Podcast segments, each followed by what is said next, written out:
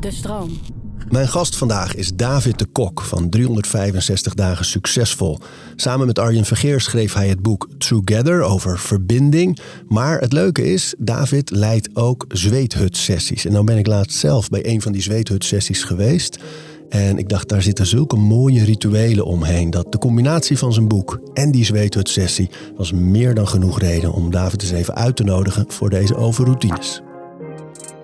Wat is een mens zonder houvast in zijn manier van leven? En ieder heeft een handvat en eigen rituelen. Orde in je hoofd zodat alles te overzien is. We praten over routines. Dus waar word je gelukkig van? Echt niet jij met je smoothietje en je meditatie en dan hmm, zo. Dat is, dat, is, dat is een good practice, omdat je, omdat je kalm bent. Omdat je vervolgens weer kunt uitreiken en kunt verbinden. We praten over routines. Jij kwam binnen met een, nou ja, als je het niet weet, zou je denken dat het een soort joint-achtig. Ook een goed idee geweest. Het is een Dat- smudge stick. Ja, het is een smudge stick. Wat ja. is het precies wat ik hier van je kreeg als cadeau? Het is eh, eh, white sage, dus witte, witte salie. Salie, een, oh. ehm, als je dat eh, brandt, je kunt er ook thee van zetten. ehm, dan, dan geeft dat, het ruikt heel lekker. Maar het geeft ook een soort, nou zeggen ze, energetische reiniging. En ehm, waarschijnlijk in jouw geval, als je het zou branden, dan herinner je je weer de, de zweethut.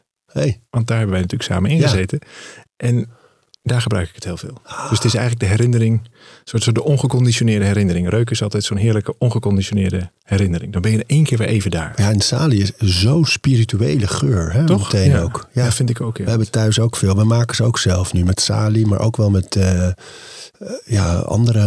eh, Ceder kan heel goed, eh werkt heel goed. Ja. Wij lavendel verbouwen, wij we erin. lavendel ook. Ja. Wij verbouwen tegenwoordig ook, of we.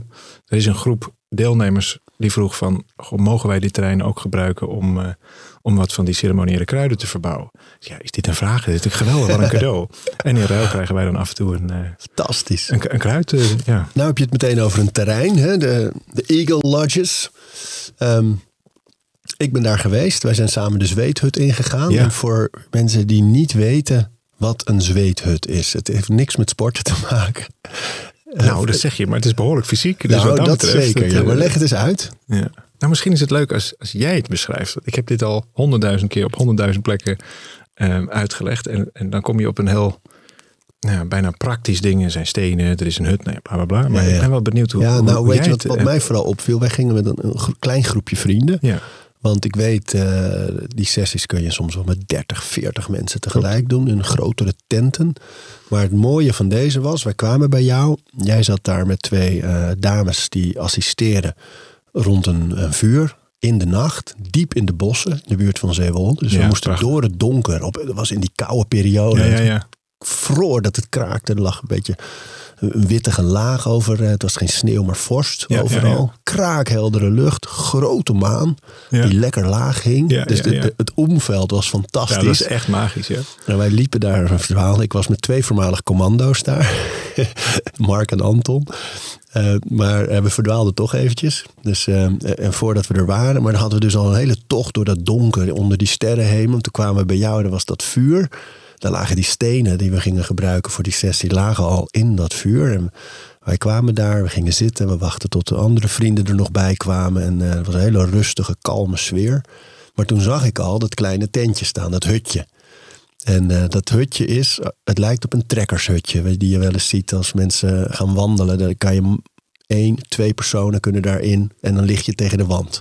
Ah, zo'n soort tentje. Een soort een klein iglo. Iglo Ja. opwerptentje. Zo, Ja. zo, zo dacht je dat het was. Ja, maar het zag er zo hoe dan ook zeer klein. Je moet er kruipend in. Ja. Wij al helemaal. Jij en ik zijn eh, tegen de twee meter zo. Ehm, je moet er kruipend in. Het is heel klein. Dus op het moment dat het zover was, en dan ga je eh, bloot. Ben je. Mhm. Het is toch pikdonker, dus wat maakt, maakt het uit? Nu waren we met vrienden, dus maakt het sowieso niet uit. Bloot erin.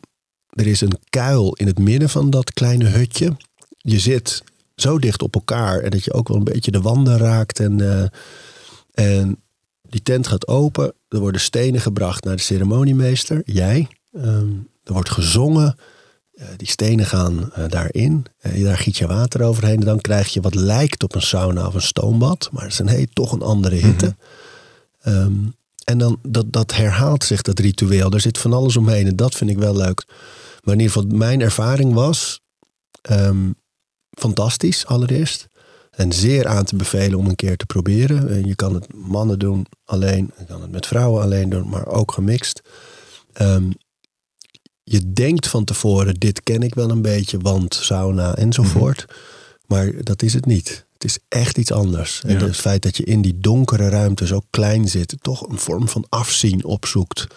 En, en ook in je hoofd gebeurt er van alles. Mhm. Ehm, ik had bijvoorbeeld een van de latere rondes, kreeg ik het gewoon echt even te zwaar vond. Dat ik moest gaan liggen als enige ook volgens Mhm. mij in die groep.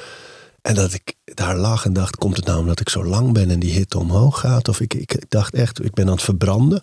Mijn neusvleugels eh, deden heel erg pijn. Mijn, mijn huid, bij mijn tepels, dat dacht ik echt, dit, dit kan niet. Dit, Maar toen ontdekte ik ook dat de oplossing, eigenlijk, de weg eruit, is hetzelfde als bij andere vormen, bijvoorbeeld een ijsbad. Als je ontspant in die stress, dan is het te dragen. Dus, dus die ronde daarna was bij kans nog heter. Ehm, en toen dacht ik, nee, we zijn hier met z'n vijven. Iedereen doet dit. Ehm, ik kan hiermee omgaan. Ik ging ademen, ik werd rustig, ik luisterde naar jouw gezang. En eh, ik rook en ik voelde en, eh, en toen viel het van me af. En toen bleef over de gedachte en de, de reflectie. En dat was heel mooi. Ja, Dus da- daardoor werd het ook een soort overwinning. Mhm. Maar het samen zijn was heel bijzonder, vond ik. Dat je zo met z'n allen zo dicht op elkaar aan het delen bent. Want je deelt Ja. verhalen en emoties tussendoor. En je voelt van alles. En eh, ja, ik vond het echt een hele mooie ervaring. eh, zeer aan te bevelen. Nou, ik had het niet mooier kunnen vertellen. In kleine Dankjewel daarvoor. Ja, in het hele kleine hutje. Ja, dat is mooi. Nou, maar een van, van, van mij op diezelfde avond, en het werd uiteindelijk nacht, ehm, ik haalde daar zelf nog iets anders uit. Het, het, gebeurt niet zo heel vaak dat ik in een groep zit waar iedereen nieuw is. Dus dan is snel het risico dat het een soort demonstratie watergieter wordt. Omdat niemand precies weet wat hij moet verwachten. En dan ga ik die ceremonie dragen. Wat op zich ook logisch is, maar daarmee zou ook een ander beeld kunnen ontstaan. Dan wordt het of heel gezellig met de vrienden onderling. En ik ben er toevallig ook nog. Of het wordt inderdaad een soort stoombadervaring. Kan ook. Prima, allemaal goed. Maar dat werd het niet. Het werd een, en er ging iets open. Eigenlijk na dat moment wat je net beschreef. Want jij beschreef het als dat het, dat het heel warm was en het was nog fysiek. Maar eigenlijk ben je een soort aan het settelen. Je bent, je bent een beetje aan het kijken, hoe ga ik dit doen? Kan mijn lijf dit? Uiteraard kan je lijf dat. Eh, hoe zit ik in de hut? Hoe gedraag ik me? En op een gegeven moment valt er iets van je af. En dan gaat er iets open. En wij noemen het in de hut sacred space ontstaat er dan. Een soort gewijde ruimte. En als je daarin gaat delen, en dat gebeurde. Dat was helemaal geen opdracht, dat hoeft ook helemaal niet, maar het gebeurde wel. En toen kwamen de verhalen. En toen zijn we die hut uitgegaan. En voor mij viel daar eigenlijk het kwartje. Want ik projecteer toch nog steeds best wel veel op de hut. En daarmee maak ik ook zo'n ritueel ehm, heel belangrijk. Ik dicht daar heel veel ehm, kwaliteiten aan toe. Het is de hut en daarna ruimen we op en gaan we naar huis. Maar jij had nog eh, iets soep bij je, iets, eh, Ja. je had een botten gekookt. of iets, eh, ja, bouillon, van oerbouillon. ja. Ja. geweldig. Nou, die, die had je eh, bij je, dus daar had je nog een verhaal bij. Nou, dat om even met een krukje. Het was, het was inderdaad koud buiten, maar we hadden nog dat hele grote vuur. Dus er lag nog best wel een forse vuurstapel. Nou, een paar blokjes hout erop, wat krukjes eromheen. En ineens zaten wij daar met, met de twee dames eh, firekeepers. En wij zaten daar zo met z'n allen in die vuurkuil. Nog een beetje die soep eh, te drinken, nog eens te kletsen. En ik weet niet hoe lang we hebben gezeten, maar minstens net zo lang als dat we in die zweethut hebben gezeten. En het duurde maar en duurde maar. En dat gesprek ging dus door. En daar heb ik iets geleerd, wat ik nu ook daarna ook nog een paar keer heb gedaan. Het is dus niet alleen maar de hut zelf, maar het is eigenlijk de ontmoeting. Het is de, nou, we waren daar met alleen mannen, dus de, maar de broederschap ehm, die ik ervoer. Eh, en voor mij vooral buiten de hut, omdat ik daar geen rol meer had. Dus ik, ik ben nog verantwoordelijk voor jullie veiligheid. En ik, ik, ik duid nog een beetje van, goh, eh, dit lied betekent dit of dit. Dus ik neem jullie nog een beetje mee op reis. Maar toen wij ineens buiten zaten. eh, en het toeval wilde ook nog dat ik eh, twee van jouw vrienden ook nog kende. Dus Ja. daar had ik... Hielke en Tim. Ja, precies. Now Watch. ja, precies. ding, Dus daar, daar, dat was voor mij echt een zalige ontmoeting van wederzien. Die had ik een paar jaar geleden voor het laatst gezien. En altijd heel fijn contact mee gehad. Maar ja, zo gaat het in het leven. Je gaat weer eh, allebei eh, je, weg. Dus we hadden daar... eh, nou, we- delen een aantal gezamenlijke vrienden blijkt. En het was zo fijn om elkaar weer ehm, echt te ontmoeten. En wat, wat er voor mij ehm, buiten bleef... en dat is iets wat ja, echt mijn thema van de laatste tijd... echt buiten het hek ook bleef, is ego. Hè, met, ja, het, het, het- jij, jij komt, nou dat vind ik al spannend. Eh, ik wist toen nog niet dat we er ook nog iets meer mee gingen doen. Dus er zat gelukkig niet nog een ding aan van je komt kijken om er een podcast over te maken. Dat zou ook al met mij al iets doen. Want dan denk ik, ja, dan zijn we niet alleen maar met jou bezig, maar ook nog met al jouw luisteraars. Nou, dat zijn er tienduizenden. Dus dat uh, denken we, oh, die komen dan ook allemaal in de hut, energetisch. Dus dan moet ik, nou, snap je, dan ben ik al heel snel iets aan het maken wat er helemaal niet is. En dan, dan zit ik in een soort illusie, uh, lees ego. Maar het tegenovergestelde gebeurde. Dus ik, ik kende een paar van de jongens. Nou, die andere jongens waren ook allemaal even lief en aardig. En, en jij kwam met open armen en je had nog wat meegenomen. En ik kon heel ontspannen die, die, die hut laten zien. En we gaan zitten. En er ontstonden gesprekken. Nou, die kan ik me nog herinneren. Echt, echt zo open en zo um, ja, echt ontmoeten. Nou, en, het kwartje wat bij mij viel is, dat heeft dus niks met uh, de vorm van het ritueel te maken, maar met de aanwezigheid van waar wij voor hebben gekozen, hè, hoe wij daar aanwezig waren.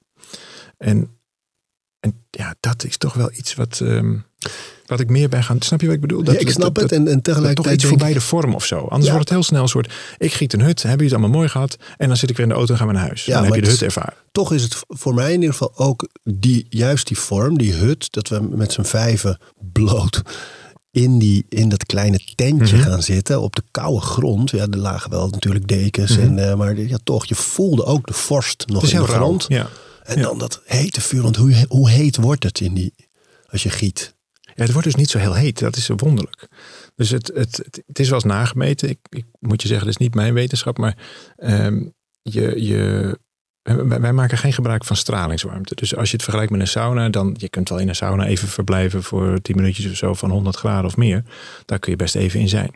Net zoals als dat je, je bent vast wel eens in, in die freeze lab uh, dingen ja, geweest. Ja, cryotherapie. Uh, de cryotherapie. En dan sta je ook in min 100 nog wat. Ja. Uh, daar kun je best een paar minuten in staan. Ja. Dat komt omdat het stralingswarmte is. nou, wij, wij leggen die stenen diep in een put. En dat is vrij uitzonderlijk. De meeste, bij de meeste zweethutpartijen doen dat niet. Die, die, leggen, die stapelen de stenen op. En dan krijg je dus stralingswarmte. En gebruik je relatief weinig water. Wij leggen die stenen in een put en dan komt er waterdamp. En die waterdamp is natuurlijk eerst 100 graden, want ja, water verdampt bij 100 graden. Eh, maar dat gaat dan in een kolom omhoog. Dus door die put krijg je een soort, soort een beetje bijna atoombomachtig effect. Dus het gaat eerst naar het dak. Het koelt natuurlijk heel hard af. En als het jou dan bereikt op zijn piek is het maar 43 graden. Oh. En daarboven zou je het ook echt niet meer leuk vinden. Dus ga maar zonder een douche staan, zet hem op 43 graden. Ja, en dan spring je onderuit. ja, ja. Dat is echt wel even op je tanden buiten. Maar weet je wat het gekke is? Want ik, want ik zit best veel in de sauna. Ik ben Mhm. een groot voorstander van sauna gebruik. Ehm, om allerlei redenen. Maar ehm, dit was echt anders. Ik had hier echt het gevoel dat ik, ik heb op een gegeven moment zelfs een soort kommetje van mijn handen om mijn neus Mhm. gemaakt. Omdat ik bang was dat de, de directe inademing van die hitte mijn neus kapot maakte. Ik voelde echt mijn, mijn neusvleugels helemaal Ja. branden. En Maar die tip had ik je misschien even moeten geven. Dat, eh, dat is gewoon mijn door de neus? Nee, niet door de neus ademen. Dus jij, jij bent natuurlijk gewend om ademoefeningen te doen. Zeker als je in ijsbad gewend bent.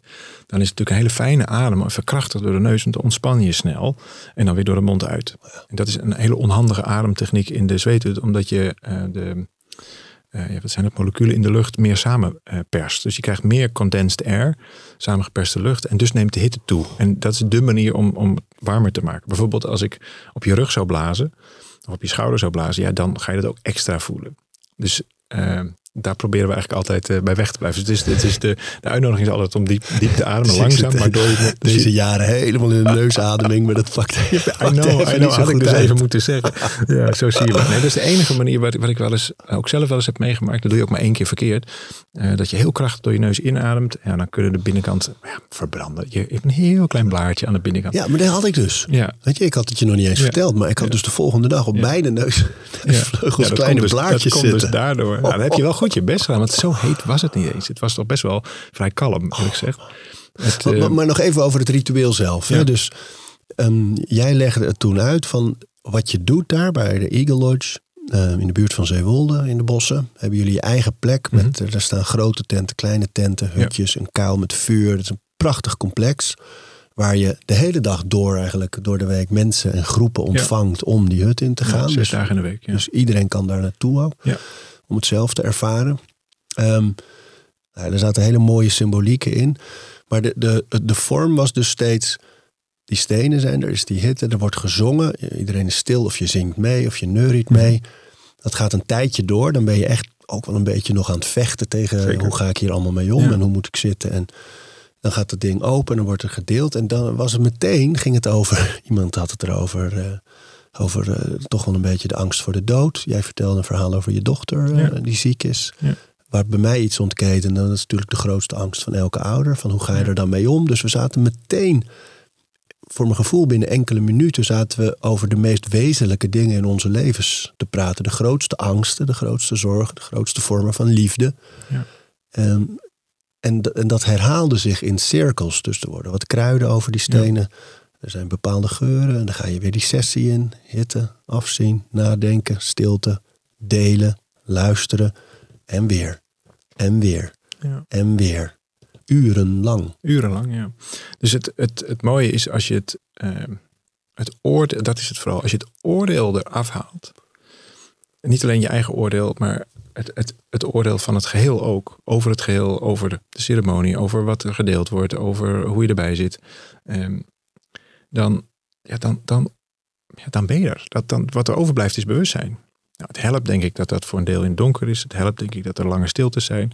Uh, dat geeft elke keer uh, de gelegenheid om weer even terug te komen naar... oh ja, ik was even weer meegegaan met mijn gedachten. Hoe ik dacht dat het had moeten zijn. Of nee, het is oké zo. En wat we vaak zeggen bij de zweet, het, it's a good day to die. It's a good day to die. Vandaag is een mooie dag om te sterven. En als je dat echt kunt zeggen, vandaag is een mooie dag om te sterven. Zo kwamen we ook denk ik op het gesprek van de dood. Dan, uh, dan ben je ontzettend vrij. Mag je ook sterven? Mogen je kinderen bijvoorbeeld sterven? Mag jij zelf sterven? Mogen je ouders sterven? Mag, mag jij zelf uiteindelijk sterven? En als dat kan met een glimlach op je gezicht, als je echt als het een mooie dag is om te sterven, dan, dan ben je zo vrij. Want wij zijn niet gestorven, maar er is misschien wel iets gestorven. Die avond is er bij mij iets gestorven van een beeld dat, dat de hut het ding is. De hut was een heel mooi, mooie ingang tot iets. Maar voor mij was het de werkelijke verbinding was niet in de hut. Want daar had ik nog wel steeds een beetje een rol. En natuurlijk, ja, ik kende die liederen, dus ik, was nog, ik had ook nog iets, iets meer dan alleen maar daar aanwezig zijn. Hoe graag ik ook zou willen dat het anders is, maar zo was het. Maar buiten niet meer. Buiten was het echt, uh, was de cirkel voor mij helemaal rond. Nou, en dan, snap je, dat was, dan sterft er ook iets. Dan sterft er in mijn geval een uh, nou, ceremoniemeester, zoals jij het noemt. Ja. Ja, zo noem ik het, ja. ja. Hoe heet het officieel? Ja, wij noemen het de watergieter. Maar de watergieter. Je, het, het, maakt niet uit. Komt maar het, het, ritueel zelf, zei je, dat is een soort uh, samenkomst van de Lakota-stammen uit Noord-Amerika ja. en de shamanen in het oude Europa. Ja, wij, wij, heidens. Heidens ja. en ja, wat je Ja. vroeger, ja, ik weet, het woord Indiaan is een beetje inmiddels volgens nee, mij. dat kan sowieso niet. Het is de oorspronkelijke meer, bewoners. Kan niet meer. Oorspronkelijke bewoners Ja. van Noord-Amerika. Ja. Nou, ik heb nog nooit in mijn leven een, een Lakota-Indiaan eh, ontmoet. Ik heb nooit een native ontmoet. Ik heb wel heel lang in een eh, tribe stenen gesjouwd. En, eh, maar dat was al een vernederlandste eh, tribe. Stenen gesjouwd en het ritueel meegemaakt zoals het overgedragen is. Dus ik ken een aantal van die liederen. Ik ken een aantal van die gewoonten. Maar ik giet niet ehm, eh, Lakota-hutten. Want ja, hoe zou ik dat moeten doen? A, ik ben niet Lakota. B, ik heb daar wat van gezien. Maar voor je het weet wordt het, ga, je, ga je zoiets acteren. En dan kun je best wel, ook daar kun je jezelf wel in verliezen hoor. Ik heb er veel boeken over gelezen. Je zou die vorm prima kunnen imiteren. Maar je wordt het uiteindelijk nooit. En dat weet je ergens ook. Eh, En, en vervolgens krijg je natuurlijk ook, eh, ja, hoe noem je dat? Eh, volgers, is dat een woord? Eh, mensen die dat aantrekt, die gaan dan vervolgens ook voor je het weten eh pauwenveren dragen, weet ik veel wat ze doen. En dan kun je een hele mooie act opvoeren. En datzelfde geldt in de shamanistische stroming. Je hebt nog een Keltische stroming, je hebt nog een Siberische stroming. Nou, vast allemaal even prachtig. Maar ik ben het allemaal niet. En wat mij enorm heeft bevrijd, is die opgraving die ze hebben gedaan eh, bij Nijmegen in de buurt. Ehm, daar eh, vonden ze een, zweethut van 3.500 jaar geleden. En er zijn archeologen zijn daarmee eh, aan de slag gegaan en die hebben gekeken, hoe, hoe werkte dat nou? Dat was eigenlijk precies zo als we het nu nog doen. Namelijk wilgetenen gebogen. Zij maakten gebruik van kleibollen die ze dan eh, verwarmden. Nou, ook een vorm van, van steen natuurlijk. Die kwamen in die hut. Er lagen wat dierenhuiden overheen. Er ging een lapje voor de deur. En hé, hey, daar heb je eigenlijk de zweethut. Dus en waar doen- gebruikten zij het voor, weet je dat? nou, ze vermoeden dat ze het eh, gebruiken om eh, warm te worden. Dus het, ook in de, in de koude tijd dat je gewoon iets hebt om betrekkelijk goedkoop eh, warm kan worden. Eh, het is me ook wel eens verteld dat het ook een goedkope manier is om, eh, als er weinig water is. Nou, daar was dit, naast de rivier. Dus dat, dat, dat zal daar niet het probleem zijn geweest. Maar als er weinig water is, is het een hele efficiënte manier om met een paar emmers water een heel dorp te douchen. Want je wordt heel schoon van. Dus doordat je water vermenigvuldigt zich door er stoom van te maken. Het is 1600 keer groter. Dus ja, je doet één druppel water en je hebt het 1600 keer meer in volume. Dus ja, dat vult zich met vocht. Mensen kunnen zich daaraan wassen. En je komt er heel schoon uit. En vervolgens ben je twee, drie emmers water verder. En dan heb je met een paar liter water heb je het heel dorp gedoucht. Dus zo is het me ook wel eens uitgelegd. Dus misschien is het wel zo begonnen als een, ehm, als een, als een reinigingsritueel. Maar ja, je zit daar in het donker. Ja, vroeger hadden ze natuurlijk geen ramen. En je wil die, die stoom wil je een beetje, die warmte wil je een beetje dicht houden. Maar ja, als jij een tijdje je ogen dicht doet. Waarom werkt meditatie zo goed? Je doet een tijdje je ogen dicht. Je neemt een tijdje prikkels weg. Nou, we hebben daar niet in 20 minuten gezeten. Vanaf dat moment werkt het ongeveer dat je, dat je brein denkt: hé, hey, ik, hoef, ik hoef even niet de rekenkracht van mijn ogen eh, te gebruiken. Dus nou, laten we eens wat onverwerkte processen gaan verwerken. Dat is een van de belangrijkste redenen waarom, waarom meditatie ook zo goed werkt. Is dat je simpelweg minder prikkels tot je neemt. Waardoor er een heel groot, grote capaciteit aan, aan mogelijkheid tot het uitrekenen van andere dingen plaatsvindt. Nou ja, wij zitten daar een paar uur in. In die paar uur in het donker, met relatief weinig prikkels, Zeker omdat het, het voelt op een gegeven moment als veilig. Hey, ik weet hoe ik moet zitten, ik weet hoe ik me moet verbinden. Oh ja, ik, ik weet nu eigenlijk ook wel wat er ongeveer gebeurt. Daar hoef ik allemaal niet meer mee bezig. Hey, en ik ben er nog steeds. Dan, dan ga je eigenlijk van dingen doen naar iets zijn. En dan, dan, ik ontmoette daar voor het eerst van mijn leven echte pure aanwezigheid. Echt bewustzijn. Ja, kan je dat nog? Eh, hoe voelde dat? Hoe ging dat? Oh, dat was zo emotioneel. Dus dat, dat, ik zat toen, uh, de allereerste keer, dat is tien jaar geleden, zat ik uh, in de zweet bij Michael Steino. En die, uh, die, ja, ik vond het een geweldige kerel, maar ik kende hem verder helemaal niet. Maar ik was meteen broeder. Dus ik ontmoette hem ook vanuit, nou een beetje zoals wij dat ook hadden met die jongens en alles. Dat, het, was, het was meteen goed. Er was helemaal geen, hoeft helemaal niet voor te stellen. Het was gewoon, we gingen gewoon dat gewoon zo doen. Dus ik voelde me ook heel erg thuis. En ik geloof niet dat ik me in mijn leven ergens op die manier thuis had gevoeld. Ik had wel altijd het, de hoop en de verwachting en, en, het vermoeden dat er zoiets zou bestaan als thuis. Maar nou, nooit gedacht dat dat in zo'n zweettent. waar uh, zit hem dat in? Niks meer hoeven. Het maakt niet uit wie je bent. Het maakt niet uit wat je doet. Het maakt niet uit waar je vandaan kwam. Het maakt niet uit wat je achtergrond is. Het maakt zelfs niet uit wat je toekomstplannen zijn. We waren daar gewoon. En hij was blij dat ik er was. En de firekeeper was blij dat ik Die was nog jarig ook. En, en, dus ik vroeg hem ook nog van, goh, waarom ga je nou op je vijftigste verjaardag het vuur doen? Hij zegt, dat is het mooiste wat er is is het grootste cadeau wat er is. Ik was het grootste cadeau, terwijl ik kende de beste man niet. Nou, dat was voor mij heel ontroerend en ook heel ontwapenend. Ik dacht dat ik eerst iets moest zijn. Dat mensen toch wel op zijn minst moesten weten dat ik iets voorstelde. En, en, dat, en dat deed ik ook. Dus ik, ik, ik had al een boek geschreven, toch? En ik had al, weet je, dus ik was al vol in, in. Nou, mijn ego was actief. Nee hoor, het was gewoon welkom. En hij wist mijn naam ook niet, maar ik was broeder. Ah, mooi. Dus ik ging zitten, ik was broeder. Hij ging zingen. Ik kende alle liederen in één keer. Terwijl ik had ze nog nooit gehoord, maar ergens diep van binnen kwamen ze vandaan. Dus ik heb een vermoeden dat wij dit ritueel herinneren. Dat wij ons dit herinneren. En, en nou even terug op het antwoord op de vraag die je eerder stelde: van het zijn twee stromingen. Ik denk dat er heel veel stromingen zijn die we ergens in onszelf kunnen herkennen, omdat het al zo oud is. Onze voorouders hebben ook rond een vuur gezeten. Het is het we, zitten nu rondom een televisie, maar het het ritueel is in feite hetzelfde. Alleen wat ga je doen bij een vuur? Af en toe ben je stil, af en toe ga je iets delen. Nou, in de ook. Dat is eigenlijk ook rondom een vuur. Maar dan nou ja, de stenen, anders zou je stikken. Dus de warmte, je zit rondom die warmte, die gloeiende stenen. En wat, wat, wat gebeurt er? Ja, je gaat iets delen.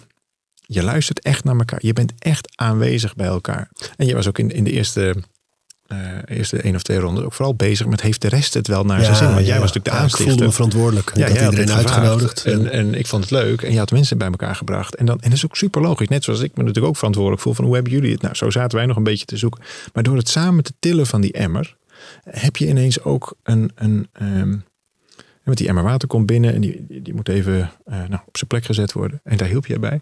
Dan heb je dus ook meteen een hele andere, ja, uh, ook hier weer een heel, eigenlijk heel ander bewustzijn. Nou, ik, ik vind dat zelf.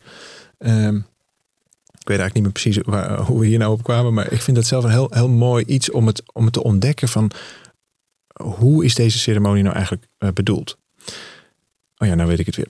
En dat is, dat is op zich, als je met allemaal nieuwe mensen zit, best wel een zoektocht. Want jullie weten ja, helemaal niet wat je kunt verwachten. En dan had je nog een mooi rolletje, dus dat was mooi. Dat was even mijn zijpaadje. Maar op het moment dat je dat met veel mensen regelmatig doet, dan komt er ineens iemand met bijvoorbeeld een nieuw lid. Gisteren nog kwam iemand met een nieuw lied. Waanzinnig nieuw lied, zeg. Te gek. Nou, ik was helemaal, ja, we hebben een nieuw lied ontdekt. Dus ik zie het echt als een ontdekkingstocht. Niet als een wetenschap, eerder als een zwetenschap. Het, het, is, het is een ontdekking. Dus wij hebben ons gestript van alle, uh, alle uh, franjes van de, van de zwetenceremonie. Als je, als je bij andere uh, plekken gaat kijken, dan, dan willen ze vaak ook nog wel. En dan weten ze ook goed hoe dat werkt. Maar dan maken ze nog vlaggen, dan maken ze prayer ties. Dan hebben ze nog een veer hiervoor en een stokje daarvoor en een drum dit en het, nou, enzovoort. Het heeft allemaal een... Um, het, het, helpt. Het helpt ook vaak om een ritueel op te tuigen. Dat kan. Alleen ik wist nooit precies ten diepste waarom ze dat nou deden. Ja, ik wist wel, ik weet hoe je ze moet maken. Er zal vast een gedachte achter zitten. En die kunnen we ook heus ontdekken. Maar er zijn zoveel lagen. Dus laat het nou gewoon heel simpel zijn. Nou, en daar zie je eigenlijk de invloed van die shamanistische stroming. En daar heb ik uiteindelijk ook mijn initiatie en mijn opleiding gedaan. Zowel in Nederland als in het buitenland. En ja, daar heb ik uiteindelijk ook weer van alles van geleend. Van, oh ja, dat vond ik zo, zo tof. Dit gebed hier, ja, dat begrijp ik geloof ik echt. Ja, dit, dit, dit kan ik wel dragen. Of op deze manier, zo, oh ja, dat, dat vind ik echt. Op de stenen diep in een put, dat komt dan echt uit die Lakota-traditie. Ja, te gek, dat werkt goed voor mij. Laten we dat doen. Dus zo, zo ontdek je eigenlijk met elkaar een ritueel. In plaats van dat ik zou niet, niet willen claimen dat dat uh, zo moet of zo hoort. Helemaal niet. Alleen, ja, ja, je hebt het ervaren. Het was, het was fantastisch. En ik heb er ook zelf weer veel van geleerd. Dus veel dank. En meer is het niet.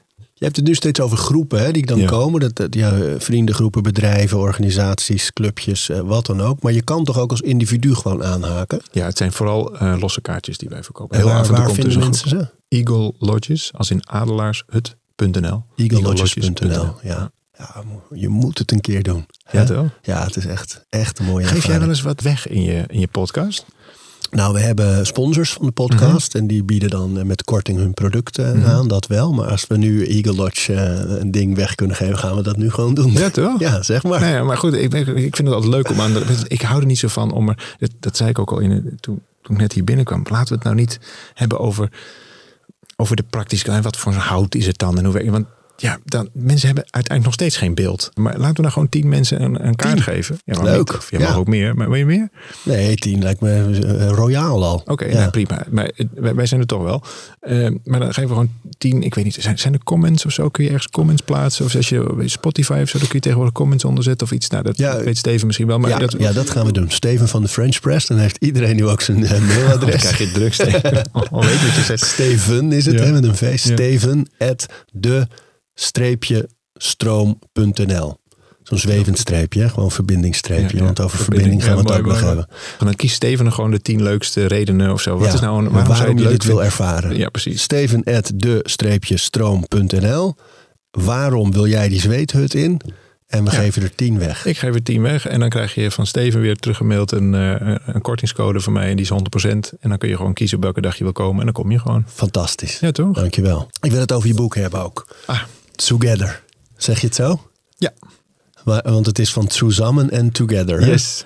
Ja, de, de- dus deze zin, hè, dus ergens in het boek staat: ehm, als verbinding de oplossing is, wat is dan het probleem? Zou het kunnen dat stress, onzekerheid, somberheid niet de kwalen zelf zijn, maar symptomen van een dieper probleem? Mhm. En wat is dat diepere probleem? Ja, vereenzaming. Dus de, de, de, de, de afscheiding. Het is de illusie dat je het zelf moet doen. Je kunt het niet zelf doen. En dat is ook een beetje het commentaar op de persoonlijke ontwikkeling. Dat je, ja, persoonlijke ontwikkeling leuk, maar als jij je ontwikkelt, dan ga jij jezelf dus heel belangrijk maken. En voor je het weet wordt het dus jouw routine, jouw training, jouw ding, jouw dat. Want ja, jij moet nog, jij moet nog dat. En voor je het weet ben je dus veel minder verbonden. Nou, als je dan kijkt hoe we ehm, ja, als samenleving, zeg maar, de, de, nou nee, nog anders gezegd, er, gaat nogal wat op ons afkomen. Dat ga jij in je eentje niet op kunnen lossen. Maar dat kunnen wij met elkaar prima oplossen. Dus hè, als je het kijkt naar de klimaatproblematiek bijvoorbeeld. En zo zijn er nog wel een aantal van die grote eh, dingen. Daar hebben we elkaar hartstikke hard voor nodig. Dat hebben we ook hartstikke hard met elkaar eh, georganiseerd. Maar ja, jij in je eentje kun je wel doen. Ja, dat is te groot voor mij. En laat ik nou in ieder geval maar zorgen dat ik me, mijn gezonde smoothie elke ochtend heb. Dan komt het bij mij wel goed. Ja, dan you're missing the point. En je wordt er ook nog eens eenzaam van. Dus voor mij mag het. Maar als je geluk zit hem niet in. Ze zeggen toch altijd geluk dat zit in je. Ik denk dat geluk om je zit. Het is de, eh, geluk is, de, is in die verbinding, in het niet zichtbare, wel voelbare deel. Dus waar word je gelukkig van? Echt niet jij met je smoetietje en je meditatie en dan hmm, zo. Dat is, dat is, dat is een good practice, omdat je, omdat je kalm bent, omdat je vervolgens weer kunt uitreiken en kunt verbinden. Wat de meeste mensen doen, is een schijnverbinding maken. En dat doen ze aan de hand van de, de persona die ze uh, spelen. Van het masker wat ze opzetten, de rol die ze hebben. En de meeste mensen spelen rollen. Dus je speelt de rol van leraar, of je speelt de rol van dit, of je speelt de rol van. Deze aflevering wordt je aangeboden door Squarespace. Dat is een alles-in-één platform waarmee je heel makkelijk zelf je website kunt bouwen. Of je nou producten of diensten wil verkopen, of bijvoorbeeld kunst wil delen met de rest van de wereld. Ik noem even kort drie functies van het platform. Het bevat een ontwerpsysteem waarmee je zelf je website kan vormgeven. Je kan abonnementen verkopen voor een deel van je site. Dan kun je bijvoorbeeld speciale content aanbieden aan leden. En Squarespace analyseert hoe je platform presteert en wat er voor nodig is om je bedrijf online verder te laten groeien. Wil je het uitproberen? Start dan je gratis proefperiode via squarespace.com/overroutines. En ben je klaar om je website echt te lanceren? Gebruik dan de code OVERROUTINES. Dan krijg je 10% korting op je eerste aankoop van een website of domein. En, en daar kun je best mee verbinden. En dan ga je van persona naar persona ga je een verbinding hebben. En dat is een, een, eigenlijk een, een, een, verbinding, een relatie gebaseerd op een illusie. Want ja, iemand acteerde die rol. Je, je, je deed vader of je deed dit of je deed dat. Als je weet dat het woord persona in het Grieks masker betekent, dan, dan verbinden mensen zich dus op basis van uiterlijke schijn, van een act, van een masker. Achter het masker is de werkelijke persoon. Dus durf je je te verbinden vanuit, uh, nou ja, hoe het ook maar is, vanuit, vanuit je, wat wij noemen je innerlijk altaar dan krijg je een hele andere verbinding. En dan ontstaat er iets tussen de mensen in. Snap je wat ik bedoel? Dat is niet kun je, dat, kun, je daar, kun je daar voorbeelden van geven? Want dat vind ik mooi, zo mooi in het boek. Dat er worden heel veel vragen gesteld die vaak gaan over wie ben ik nou echt? Mhm. en, en dat ook te herhalen steeds weer. Wie ben ik nou echt? Wie ben ik nou echt? Er komt een antwoord op je, maar wie ben ik nou echt? Als je die vraag helemaal uh, afpelt, nou, dat is een beetje verklappen van, van, van de oefening. Uh, dan vermoed ik dat dat wat je het liefst wil in je leven, dat dat stiekem ook is waar je het meest bang voor bent in je leven. En dat is vervolgens stiekem wie je werkelijk bent. Want uh, voorbeelden, we kunnen het algemeen houden. Normaal gesproken iemand die zegt, wie ben ik nou echt? Mhm. Dan kom je eerst al heel snel in de dingen die je doet. Hè? Van, uh, ja. ja. ik ben een makelaar en ja. dat is niet wie je bent, dat is wat je doet. ik, ben, een vader, en ik ben een man, en ik ben een vriend. Dus dat zijn allemaal rollen wel die wel iets zeggen natuurlijk. Maar, maar wat ben je dan echt? Ja, wat zit daar nog achter dan? Nou ja, nogmaals, ik zal het ook het antwoord geven hoor. Maar dus dat, dat wat je het liefst wil, daar ben je het meest bang voor. En dat is wat je ten diepste bent. Wat je het liefst wil, is liefde. Waar we het meest op zoek zijn, naar op zoek zijn, is liefde.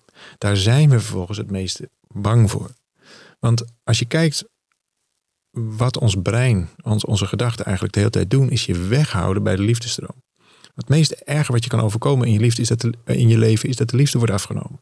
We zijn allemaal een keer met een gebroken hart thuisgekomen. We zijn allemaal een keer uh, de liefde van ons leven verloren. We zijn allemaal, dus we hebben, zeker vroeger en gaandeweg is dat, heeft zich nog een paar keer herhaald, hebben we geleerd dat we voorzichtig moeten zijn met de liefde. Dat het helemaal niet zo vanzelfsprekend is. Dat het je afgenomen kan worden enzovoort. Omdat we geloven dat het van buitenaf moet komen. Dus je kwam uit eenheid. Hè? Je, bent, je bent ooit heb je even je helemaal vrij kunnen bewegen in die baarmoeder. En, en je, je wist niet wat bovenonder was, maar je wist wel dat het goed was. Dat, dat moet een heerlijke tijd zijn geweest. En vervolgens word je geboren en dan zie je al dat er iets meer afstand ontstaat. En gaandeweg denk ik dat we ons hele leven eigenlijk op zoek zijn naar datzelfde gevoel van eenheid. Van, oh, dit moet toch geweldig zijn geweest. Maar op het moment dat je ook leert van wacht even, maar dat doet ook zeer. En je begint een beetje te denken en dan begint een beetje identiteit uh, zich te ontwikkelen enzovoort. Ja, dan ga je dus als het ware steeds meer afscheiden van het hele idee wat je, wat je nou zo graag zoekt. Het mooie is wat je kunt gaan ontdekken, is dat je dat bent. Dus je bent niet alleen op zoek naar liefde. En daar ben je vervolgens bang voor. En dus, dus ben je de hele tijd met jezelf aan het saboteren om daar maar net niet te komen. Want die, angst voor, die angst voor liefde, wat is dat dan precies? Nou, het is heel overweldigend. Op het moment dat je ontdekt van wacht even, wat ik eigenlijk ten diepste ben, is liefde. Eh, mensen worden het meest gelukkig van het maken van een verschil. Nou ga jij dan maar met je smoothie en je meditatie het verschil maken. Dat maak je helemaal niet het verschil. Ja, misschien nog voor jezelf in zekere Nee, waar je echt gelukkig van wordt. De kleine dingen blijken later de grote dingen te zijn. Dus waar maak je het verschil als ik gewoon met mijn zoontje eh, met Lego bezig. Of hij is eigenlijk met Lego bezig. En ik ben gewoon bij hem aanwezig. Ik doe zelfs niet mee. Ik ben gewoon even in zijn wereld. Ik kriebel wat door zijn haar. En, en wij, wij besteden een paar minuten. Dat zijn zalige minuten. Waarom? Het heeft geen vorm. Het heeft geen doel. Maar we zijn op dat moment gewoon samen bij elkaar. Dat zijn de momenten waarop je vrij kunt verbinden. Dat is namelijk zonder de rol. Zonder dat ik vader, want de vader die doet iets. Nee, de vader doet niks. Die is gewoon aanwezig. Hij is gewoon ook aanwezig. Hij is gewoon bezig. En hij vindt dat geweldig. Ik denk dat wij in ons leven veel te weinig tijd besteden met zijn. En veel te veel tijd besteden aan doen. Want wat doe ik? Ik ben, ik ben vooral vader. En dan moet hij op tijd zijn. Dan moet hij zijn bord leeg eten. Moet hij zijn tas inpakken. Dan moet hij een beetje doorfietsen. Anders komt hij te laat op school. Dan moet hij naar pianoles. Moet hij naar voetbal. Moet hij, moet, moet, moet, moet, moet, moet. En ik faciliteer zijn moeten. Maar waar ben ik echt? Wie ben ik dan? Ben ik dan vader die dan heeft ervoor heeft gezorgd dat hij op tijd op school is? Nee. Ik ben die man die ook naast hem zit, in zijn haar kriebelt. Terwijl hij gewoon in zijn wereld met zijn Lego bezig is. En, en dit klinkt nu net alsof ik dit helemaal master en elke dag doe. Dat is helemaal niet waar. Dat is een, een, een inzicht van formaat. Maar ik moet mezelf daar elke keer aan herinneren. Oké, ben ik iets aan het doen? Dan weet ik, ik speel een rol en ben ik dus eigenlijk weg bij de liefde? Of ben ik aan het zijn? Maar je kunt toch ook dingen doen vanuit liefde? Zeker, alleen dan hebben ze geen doel. Zodra het een doel heeft, dan is het eigenlijk weg bij, uh, weg bij het zijn. Want dan is er iets nog niet wat er wel zou moeten zijn, of er is wel iets wat er niet meer zou moeten zijn. En dat is eigenlijk een vorm van afwijzing. Dus op het moment dat het echt gaat over liefde, dan ben je alleen maar aan het zijn. Nou, in jouw uh, wereld komen natuurlijk genoeg mensen die vinden dat ze een beter lijf zouden moeten hebben. Dat vermoed ik. Hè? Dus ze willen afvallen of ze willen meer spieren hebben of iets dergelijks. Dat lijkt heel nobel, maar het is eigenlijk een vorm van afwijzing. Wat, wat, waar ze denk ik meer aan hebben, als je het mij vraagt, is uh, in eerste instantie gaan houden van wat het wat het is. Namelijk te herinneren dat ze al liefde zijn. Dat ze nergens schuldig aan zijn. Dat het helemaal oké is hoe het is. En vanuit daar dat je het gewoon fijn wil hebben. Nou, het is fijn om je goed te voelen. Nou, jij hebt daar een of andere hele gekke hobby bij om dan maar de hele tijd aan die apparaten te hangen. Het lijkt mij vreselijk. Maar ik heb een hele gekke hobby dat ik drie keer in de week niet te zitten. Het lijkt jou vreselijk. Nou, snap je dus nee, dit? Nee, nee, oh, nee, je bent welkom. maar, het, maar snap je dus, het, het, we hebben allemaal zo ons ding. Maar als je dat, dat doet vanuit liefde, dan heeft het geen, voor mij is dus weet het geen doel. Het is een, een manier om te zijn. Dat is iets heel anders. En op het moment dat, het dat is, ja, dan kom je ook veel meer in, in uh, nou, wel mode wordt, maar dan kom je in flow. Dan is dat is de flow, omdat het namelijk nergens naartoe hoeft, maar het gaat wel ergens heen. Maar je wordt soort van gedragen door waar het heen gaat. Maar ja, wij, we hebben allemaal geleerd dat je allemaal een eigen idee moet hebben over jezelf, over je toekomst, over je diploma's, over je partner, over je kinderen. Doelgericht leven. Heel doelgericht leven. Nou, dat houdt je dus weg bij het liefde. Altijd, denk ik. Altijd. Ja. En het, ja, het maakt je dus ook niet. Je kunt het voelen. Het maakt je namelijk niet gelukkig. Yo, ik heb, ik heb mijn, mijn grootste doel in mijn leven overtroffen. Verder dan mijn stoutste jongensdroom ooit heeft kunnen zijn. Dus het is meer geworden, verder gegaan enzovoort. En helaas was dat het niet. Nee. Nee. Weet je wat ik zo bijzonder vind? In deze serie toevallig zijn er veel mensen die heel succesvol zijn in iets.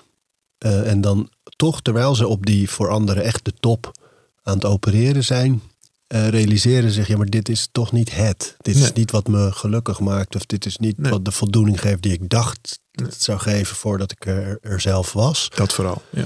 En terwijl je iets doet wat, waar heel veel anderen heel veel aan hebben. Hè? Je hebt echt veel mensen een mooie boost gegeven of geholpen. Vast, ja. Hopelijk. Tientallen duizenden. En um, maar dan nog, hè, van, van wat is dat dan dat je tot zo'n realisatie komt van oké, ja, maar dit is het dus niet. Terwijl ik echt iets moois aan het doen ben en iets leuks. Wat mist er dan? Nou, ik heb het, ik heb het daarna ook, ook nou, afgezworen is een groot woord, maar ik heb daarna wel besloten, dit, dit gaan we niet uh, nog een keer doen. Zo. Niet, niet omdat het niet tof was. Het was prima. Het was, het was, het was mooi. En zeker dag twee was echt, echt spectaculair. Maar het was ook heel spannend. Heel intensief. Maar was dat het? De, de stress, de voorbereiding, alle tijd, de druk, uh, de zorgen die dat allemaal met zich meebrengt? Of ik heb bij jou soms ook het gevoel dat, dat op een gegeven moment ook, als het te veel over jou gaat, dat dat ook in de weg gaat zitten. Dat je denkt, ja, maar dit wil ik niet. Hoeft niet ik hoef niet op dat podium. Nou, voor je het weet speel je dus zo'n rol. En ik vermoed dat ik dat daar ook heb gedaan. Dus dat, dat, dat klopt. Dus je voelt je niet zo verbonden.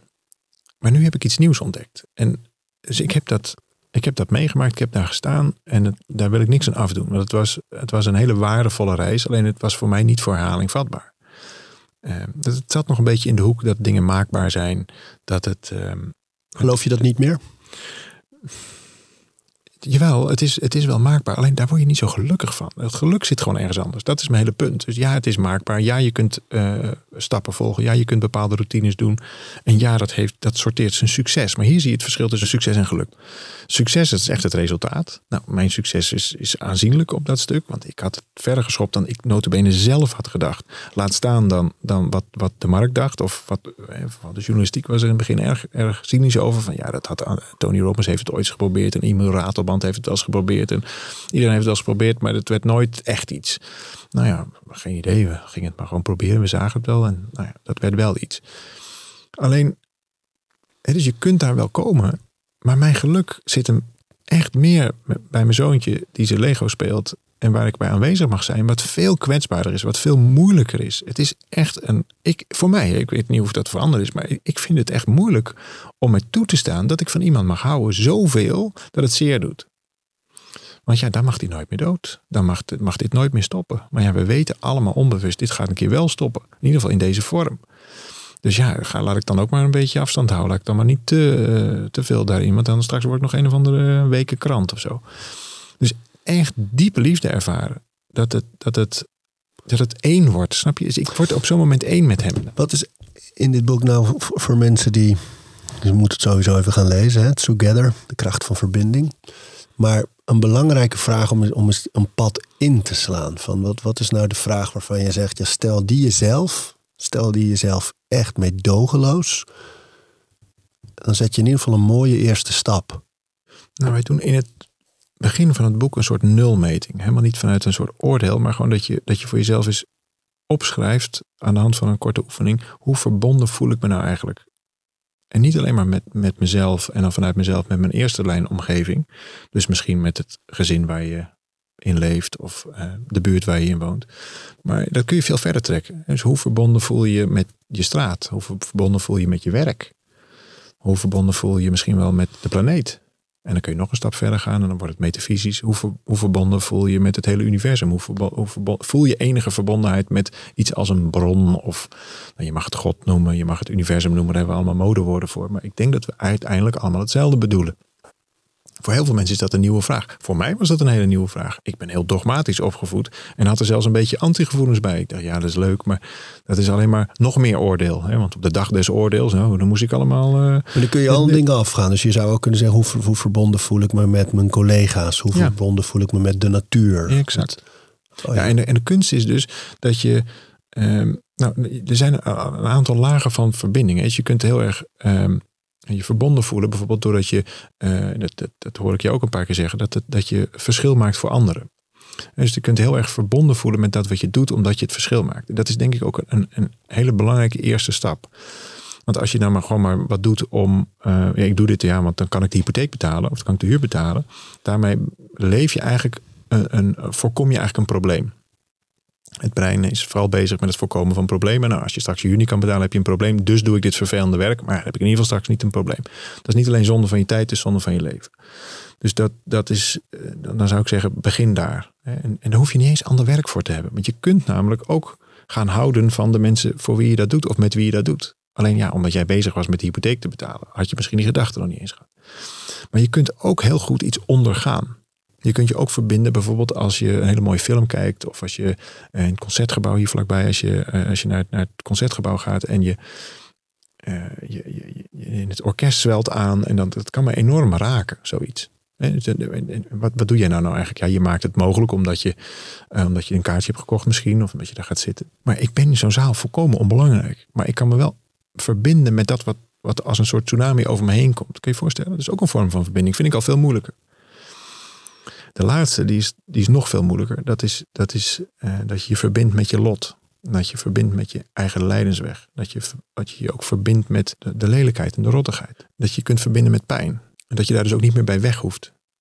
Uh, omdat het om, soms gewoon niet kan. Omdat iemand wegvalt. Omdat je een, een, een, ziekte hebt die, die, die blijvend is. Omdat je, nou, noem maar wat. Kun je, voor, kun je daar een voorbeeld van geven als je het goed vindt hoor? Want mm -hmm. je vertelde toen in de zweethut uh, over de ziekte van je dochter. Mm -hmm. um, hoe dat dan werkt met het verbinden met die pijn. Want dat is de angst van een vader natuurlijk. De ernstige ja. ziekte bij een kind.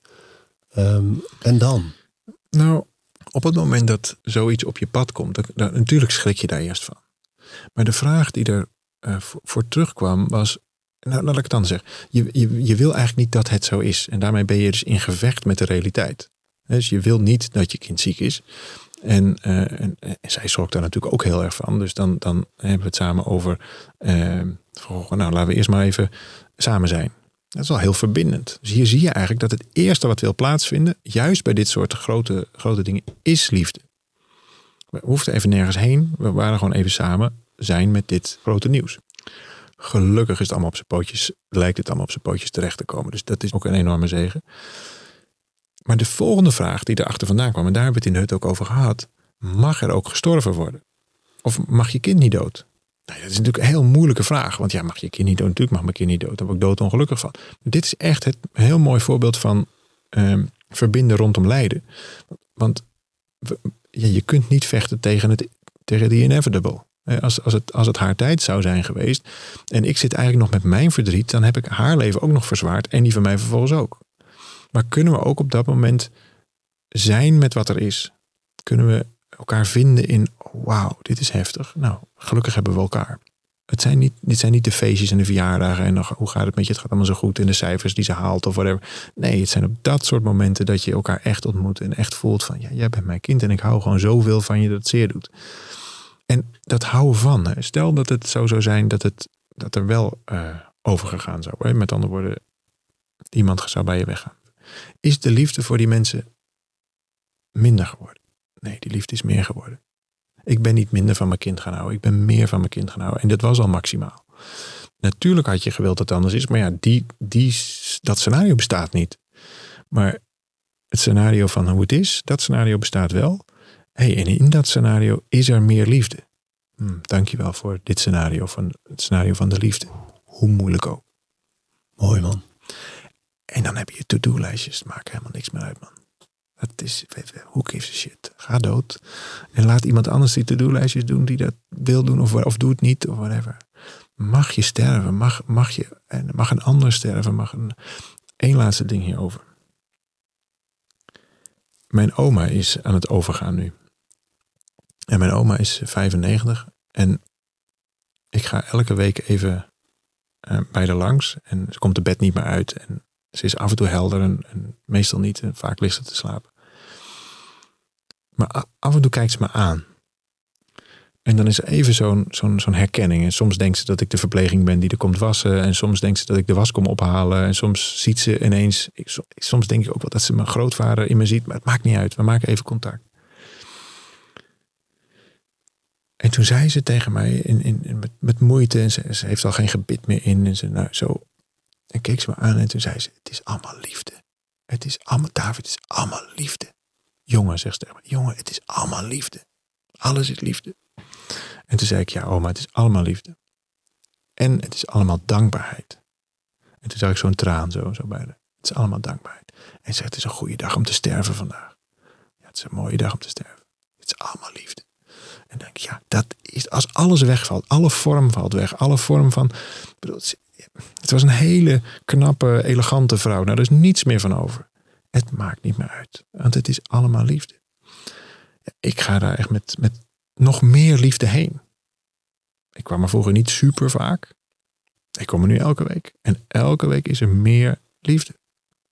Ik denk, ja, wat, wat zitten we onszelf toch druk te maken. met En wat is de liefde dan op zo'n moment? Wat, de eh, verbinding? is de Het is verbinding? die, de, de blik in de ogen. Dus er is bijna geen gesprek mogelijk. Maar we kijken elkaar minutenlang, eh, een half uur, uur lang aan. En, en soms met een hand vast, soms met een traan, soms met een liedje. Ik, ik begon Odenneboom te zingen, omdat mijn zoontje dat op de piano speelde. Een beetje te teneurie. En toen zong ze een beetje zo Odenneboom zo samen mee.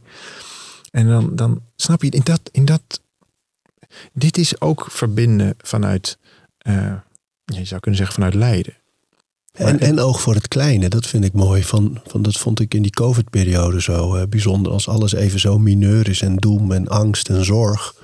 Om heel erg vast te klampen aan eh, het kleine geluk. Hè? Dus het vasthouden van je kind. Of eh, komt, een kind komt de hoek om en glimlacht. Of eh, de zon voelen op je wang. Van die hele kleine dingetjes waar je dan even aan vast kan houden. En dat haalt je en heel erg naar het moment. Maar het is ook ja, het leven is ook wel opgebouwd uit die kleine schakelmomenten. En daar die te waarderen en die te ervaren, echt te ervaren, dat, is toch, dat helpt hè?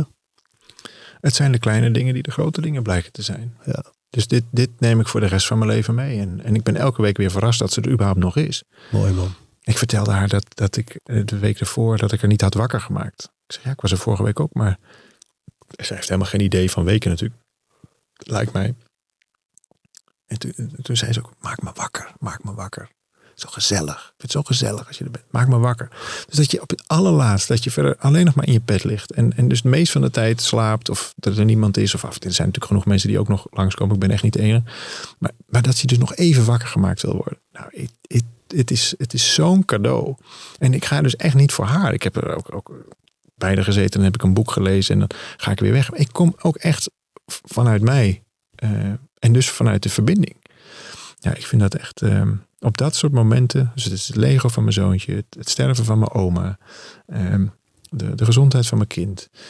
Eh, dat, dat, dat zijn de momenten die uiteindelijk er echt toe doen.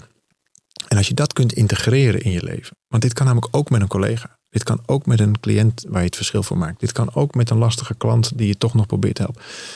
Als je je kunt verbinden met nou ja, dat wat er is, wat er ook maar is, dan, dan ervaar je geluk op het moment dat je dat niet doet, ervaar je waarschijnlijk stress. En dat is een stuk minder prettig. Dankjewel man. Jij ook. Together heet het boek.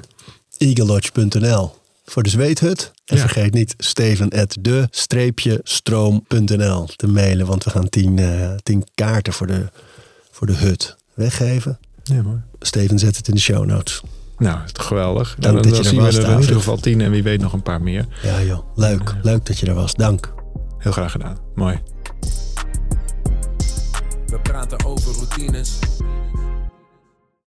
Dankjewel voor het luisteren. En voordat je weer doorgaat naar andere dingen, wil ik je nog even wijzen op Over Inspiratie. Dat is het mailtje dat ik elke donderdag rondstuur met drie tips. Dingen waar ik zelf veel aan gehad heb. Het kunnen producten zijn, artikelen die ik gevonden heb online, onderzoeken uh, Instagram-accounts, podcasts, boeken, van alles eigenlijk. En ik denk dat je daar zelf ook veel aan kunt hebben. Dus vind je het leuk om dat mailtje elke week te ontvangen? Dan kun je je opgeven op ariboomsma.nl onderaan de pagina. Dan krijg je voortaan elke donderdag in je mailbox over inspiratie.